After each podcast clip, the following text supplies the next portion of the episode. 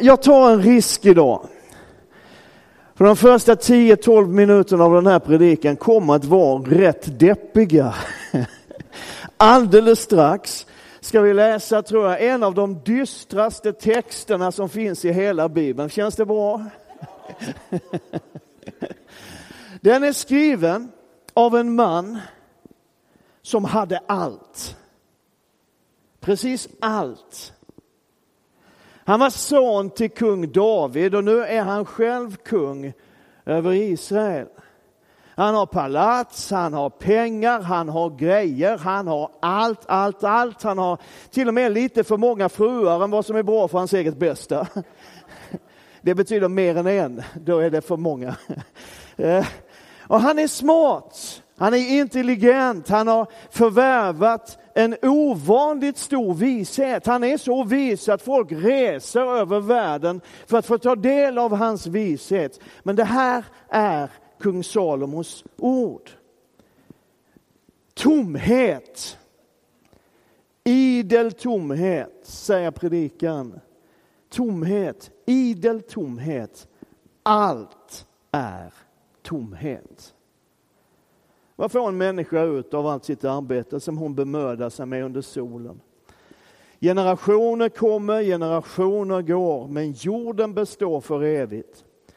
Solen går upp och solen går ner och skyndar sig tillbaka dit där den gick upp. Vinden blåser åt söder och vänder mot norr, fram och tillbaka, om och om igen och återvänder alltid till sin gång. Alla floder rinner ut i havet, men havet blir aldrig fullt. Och dit floderna har runnit för, dit återvänder de igen. Alla ord är otillräckliga. Ingen kan någonsin säga allt. Ögat får aldrig nog av att se och örat fylls inte av vad det hör. Det som gjorts för kommer att göras igen. Ingenting är nytt under solen. Finns det något om vilket man kan säga, det här är nytt? Så har det ändå funnits sedan urminnes tider, långt före oss. Och de som har funnits i början, de minns man inte. Och de som ska komma, kommer också att glömmas av sina efterkommande. Känner du dig starkt uppmuntrande? Tomhet, allt är tomhet. Och vi ska tala idag om meningen med livet. Och de här klassiska frågorna, de känner vi igen. Vi har dem i vår reklam för vår Back to Basics-kurs och vi, vi, vi använder de här frågor som har funnits i alla tider. Var kommer jag ifrån? Varför är jag här? Och vart är jag på väg? De här ständiga frågorna som har följt mänskligheten genom hela historien. Längtan och jakten som finns där hos oss allihopa. Att hitta en mening i tillvaron. Och jag tror Salomo hade rätt, på mm, sätt och vis i alla fall. Det är ju inte alltid så lätt att få tag på den där känslan av mening, speciellt inte om man letar på fel ställe. Och det är en sak som vi måste förstå, även om det kan vara smärtsamt och lite jobbigt. Den här världen, oavsett hur gammal vi tror att den är, för där kan vi ha olika uppfattningar. Och oavsett de exakta detaljerna om hur den formades och oavsett varje detalj, om varje detalj i skapelsen formades individuellt eller om det någonstans på något sätt har skett en stegvis utveckling. Det kan vi tycka olika om. Men vi måste nog ändå hålla med om det här. Att om det inte fanns någon som tänkte till om det inte finns en hjärna, en tanke, en plan, eller om du så vill, om det inte finns en vision bakom skapelsen och det mänskliga livet, så finns det inte heller någon mening med livet. För en mening förutsätter en tanke. Om allt har kommit till av en slump, vilket är en ganska spridd uppfattning i, i, vår värld. Om allt har kommit till av en slump så finns det ingen mening. Då är hela vår tillvaro bara en sorts lätt organiserat kaos. Ja, vi kan såklart skapa en mening, vi kan sätta upp vissa mål och tänka att om jag när jag dör har uppnått det där så har jag inte levat förgäves. Och vi kan sätta olika bilder. Ja, men om jag gör det där eller betyder det där eller får vara med om det där så, så har det ändå haft någon sorts mening. Och grejen är, om man kollar igenom lite grann så här, vad säger människor i allmänhet och kanske i en, en del så här mer framstående människor, vad säger man om livets mening? Så får du ganska många svar. Dalai Lama, ja det är nog enda gången han kommer att citeras i den här talarstolen. Han säger att meningen med livet är att hjälpa andra. Och kan du inte hjälpa dem så undvik i alla fall att skada dem. Och det är ju inte så tokigt sagt. Författaren Raymond Feist säger att livet är problem och livets mening är att lösa problemen. Känner du hur du byggs upp i din ande? Tolstoj påstår att livets enda mening är att tjäna mänskligheten. Och Sokrates sa att meningen med livet är att vara lycklig. Det väcker genast andra frågor. Vad är det att vara lycklig? Hur ser det ut? Och när jag höll på att leta efter sen, vad har folk sagt om livets mening, så kunde jag ju inte låta bli, utan jag frågade Siri också. Och Siri säger, jag kan inte svara på det just nu, men jag planerar att skriva en väldigt lång teaterpjäs där ingenting händer.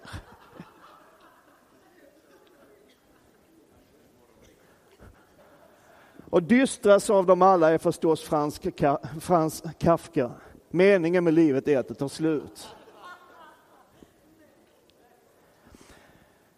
Nu är jag medveten om att människor, också de som lever utan Gud, människor som lever utan en tro, kan uppleva sina liv både rika och meningsfulla. Jag vill inte alls raljera över det, men ändå, de här citaten, jag kan, jag kan liksom inte hjälpa att jag känner att om det inte finns en grundläggande och övergripande större mening med tillvaron, så ekar de där citaten ganska tomt någonstans. Och med risk att fortsätta förstöra din söndag förmiddag, göra den riktigt grå och dyster. Vi föds in i den här världen. Och i väldigt unga år blev vi satta på uppfostringsanstalt. Eh, så upplevde jag det i alla fall. Skolan. Eh, och sen när man är klar med grundskolan så är det tre år på gymnasiet. Och när du är klar där så står du inför två val.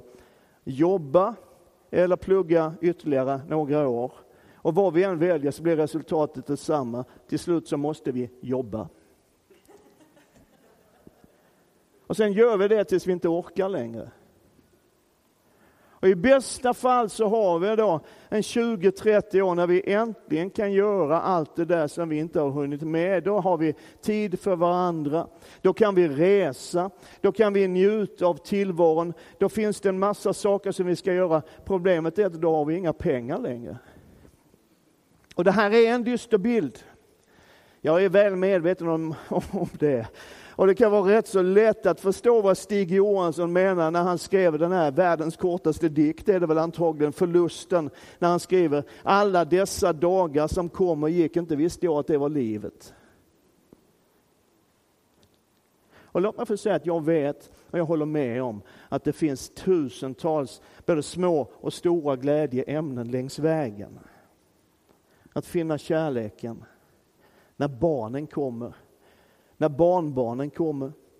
Att se en soluppgång, att ha en hand att hålla.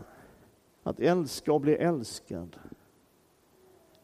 Men ändå så, om det inte finns en större mening så kvarstår ändå frågan, vad går det här ut på? Och jag har mött den frågan hos så många genom åren. Är det här allt? När jag har köpt allt jag vill ha, och när jag har sett allt som jag vill se, när jag har hört allt som jag vill höra, vad finns det då? Det är som om vi människor har en inbyggd, en medfödd längtan efter något större, efter mål och efter mening. Och så här säger Bibeln att allt har Gud gjort skönt för sin tid, också evigheten har han lagt i deras hjärtan. Men människan kan ändå inte fatta Guds gärningar från början till slut. Evigheten har Gud lagt i människans hjärta. En längtan efter ett sammanhang, efter ett mål, efter en mening. Och kanske Per Lagerkvist är den som uttrycker den där längtan om tomrummet som finns på, innan man har funnit det man söker allra bäst när han skriver Vem är du som fyller mitt inre med din frånvaro? Det finns någonting i människan som längtar efter att någonting ska fylla det som är tomt. Och då är det så väldigt skönt att stå här idag och kunna säga att Bibeln faktiskt har ett svar på frågan om meningen med livet. I psalm 139, vers 16, som jag har citerat så många gånger och tänker fortsätta att citera så många gånger tills du har fattat det, och det, och det kommer ta tid, så står det så här. Dina ögon, Gud, såg mig när jag bara var ett foster och alla mina dagar blev skrivna i din bok, formade innan någon av dem hade kommit. Det fanns och det finns en tanke med din existens. Det var någon som har tänkt dig innan du ens var född, innan du ens fanns till. Någon som tänkte dig.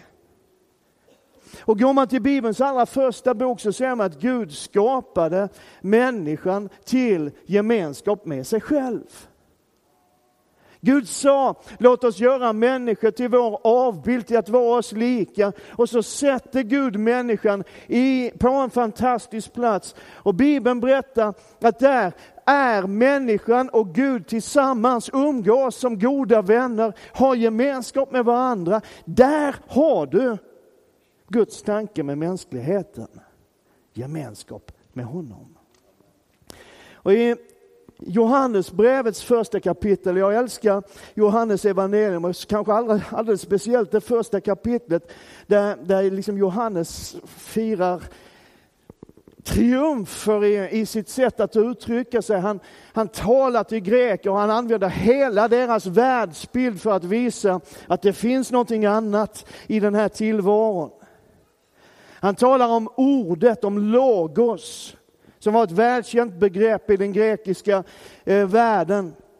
Och där logos i den grekiska världen betydde Guds vilja, Guds, det, det som Gud står för, det Gud är. Och så säger han att det som Gud är och hans vilja, det blev kött. Det blev en människa. Allt vad Gud står för och allt vad Gud är blev en människa. Och så talar han om ordet logos som det som har skapat världen. Och när man läser längre ner i texten så inser man att det som Johannes talar om som logos, som ordet, som honom här, är Jesus Kristus. Och så säger Johannes så här, att allt blev till genom honom. Genom vem? Genom Jesus Kristus. Och allt, och utan honom blev ingenting till av det som är till. Wow! Och i Kolosserbrevets första kapitel, jag tror det är den 16 versen, så står det att allt är skapat genom honom och till honom.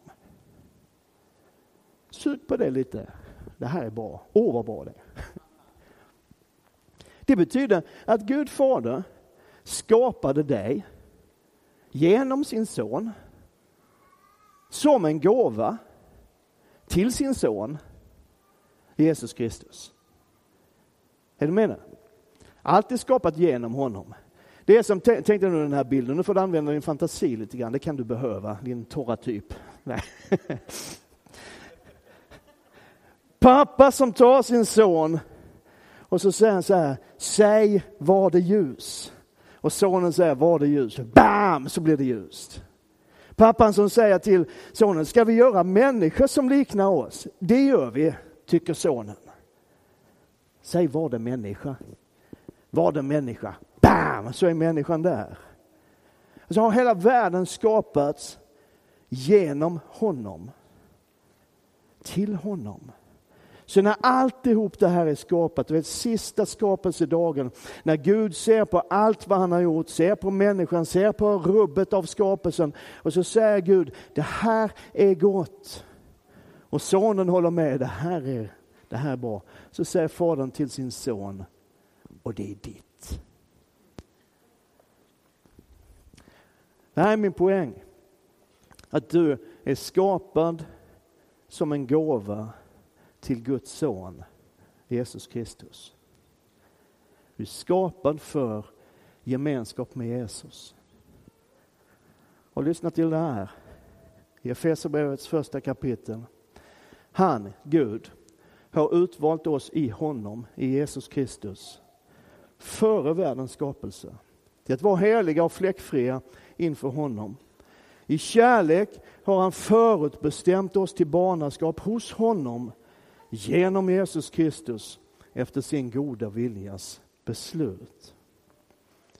Alla dina dagar, du skrivna i Guds bok. Innan världens grund var lagd var du utvald av Gud. Utvald till barnaskap. Och innan du ens hade sett dagens ljus så fanns det en plan, så fanns det en tanke med ditt liv. Och det var en tanke som var så konkret så att Bibeln till och med säger att Gud har skrivit ner den tanken i en bok. Och den planen, den tanken finns i dig. Som en dröm, som en vision, som en längtan. Och du är skapad för den drömmen. Och vet du, det är inte din dröm. Det är Guds dröm. Den är skriven i Guds bok, men den kommer inte att förverkligas automatiskt eller med tvång. För att Guds dröm för ditt liv ska kunna uppfyllas så behöver du göra ett par saker. För det första så behöver du säga ja till Jesus Kristus. Säga ja till att leva ditt liv som en gåva till honom. Vi sjunger om det ibland. Jag vill göra mitt liv till en lovsång till dig. Det uttrycker precis samma sak. Leva mitt liv som en gåva till Guds son Jesus Kristus. Det andra du behöver göra, det är att säga ja till Guds dröm och hans plan för ditt liv. Den finns nedlagd i dig och jag tror att innerst inne så vet eller anar du vad den är. För den är på djupet också din dröm och din längtan och din passion. Nu pratar inte jag om den här drömmen som du, du, du, och jag kan ha ibland, liksom att tjäna mycket pengar eller ha en större båt eller en snabbare bil. Det är inte den drömmen. Utan jag pratar om den här drömmen att faktiskt kunna göra skillnad för någon eller några. Drömmen eh, som handlar om att sätta vackra, underbara spår i andra människors tillvaro. För Guds dröm handlar inte bara om dig. Den handlar om att lysa upp mörkret för andra människor. Att bära andras bördor och betyda något för någon annan. Och det märkliga är att jag tror att vi alla som är i ena kyrkan idag och alla andra människor i, den här världen någonstans bär på en sån längtan. Men när Gud vill föra oss in i det han har tänkt för oss så försöker vi väldigt ofta prata oss ut ur det han har tänkt för oss. Jag har alltid varit väldigt bra på att prata mig ur situationer. Ni vet, sådana här konstiga saker som händer ibland. Var det du som gjorde det där? Nej, men du vet att det var så här. Ja, nej, vi ska inte gå in på det där förresten. Vi, vi lämnar det. Bibeln berättar om en man som hette Mose. Född i Egypten, men han tillhörde det judiska folket. Och hela det judiska folket befann sig vid den här tidpunkten i fångenskap och slaveri i Egypten. Och genom en rad märkliga händelser så får Mose växa upp i faraos palats. Han blir typ adopterad av faraos dotter, så han lever som en prins och han har allt. Och så en dag tar det slut. Därför att Mose gör bort sig, kan man väl säga, lite milt uttryckt. Han slår ihjäl en egyptier. Det var inte så smart. Han tvingas fly för sitt liv. Och när vi hittar honom efter den här flykten så hittar vi honom ute i vildmarken. Prinsen är där och vallar får. Och han har förlorat allt. Fåren som han vallar är inte ens hans, det är hans svärfars får. Kan du tänka dig ett värre öde i livet än att valla svärfars får? Ja, det skulle vara svärmors. Men det är ju lätt att se att Mose går där och drömmer om ett annat liv. Det skulle jag ha gjort. Och där ute i vildmarken så är Mose med om något extremt omskakande. Han möter Gud själv. Han ser en buske som brinner, men den brinner inte upp. Och du vet, det är någonting med män och eld, så han dras ju dit. Han går närmre och närmre och så hör han Guds röst. Och han vet att det är Gud som talar. Och Gud säger, hörde du Mose, det här är ju inte riktigt vad jag har tänkt för dig. Det var inte riktigt det här som jag skrev i boken om ditt liv. Och det är ju inte den här drömmen som jag hade för dig. Det var inte den här drömmen Mose, om du ska vara ärlig, det var inte det här, den här drömmen som jag la ner i ditt inre. Jag har någonting annat för dig, säger Gud till Mose. Jag vill att du går tillbaka till Egypten, samlar ihop mitt folk och tar med dem till ett land som jag ska ge er.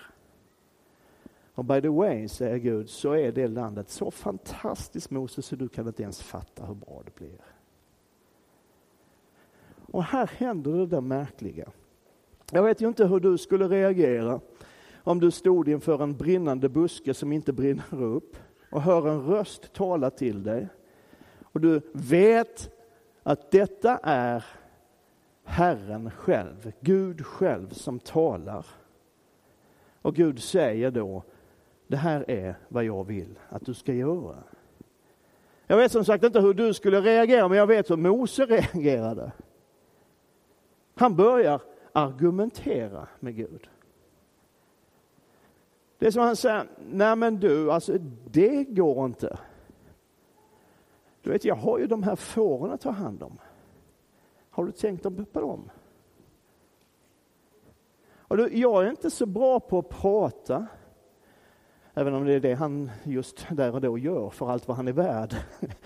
Så jag, jag, är, jag är inte så bra att prata, speciellt inte inför folk. Och förresten, Sipora skulle laga lammgryta ikväll och sen är det så ska det låta på tv. Så det fattar, det, det här går inte.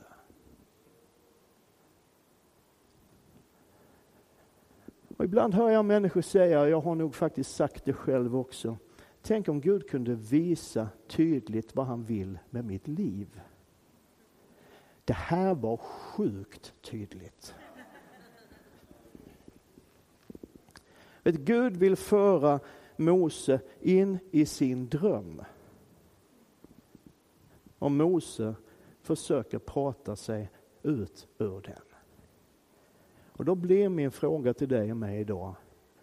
Vad är det Gud vill föra dig in i som du försöker prata dig ut ur.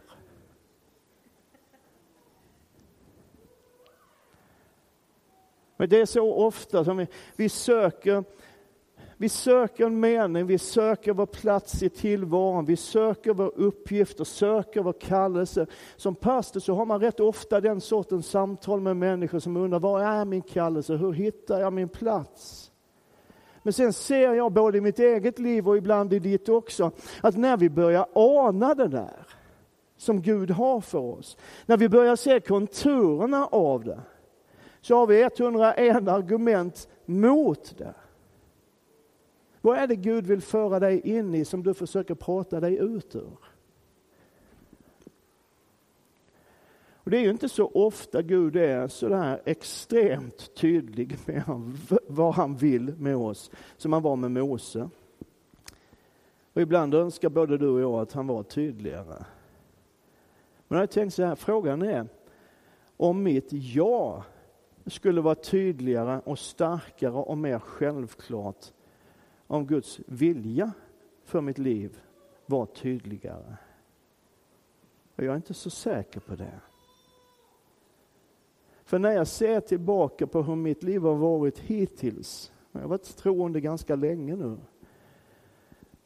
så upptäcker jag att det, det, det är inte alltid som jag har fattat vad Gud har på gång. Men när jag vänder mig om och ser bakåt en stund, vilket man inte ska göra för länge, men ibland, titta lite över axeln och fundera på vad, vad, hur har det här varit? Då kan jag se Guds väldigt tydliga ledning. Och jag vet vad det beror på. Det beror på att han hade en plan och jag har sagt ja till den.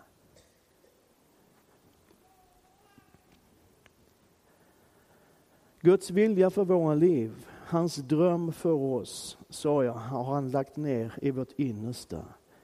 Som en dröm eller längtan eller en passion. Och jag vet att jag vet att jag vet att om vi bejakar den och rör oss i riktning mot det som vi kan se så kommer han steg för steg att föra oss in i allt det han har tänkt för oss.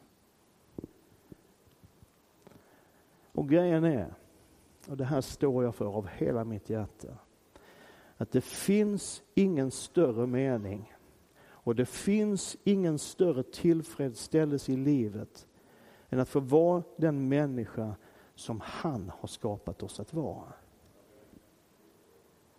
Och att få leva, inte min dröm, utan hans dröm. Att bli det Gud har tänkt att du ska vara. Det är meningen med livet. Och då frågar jag igen. Vad är det Gud vill föra dig in i? Som du försöker prata dig ut ur. Amen.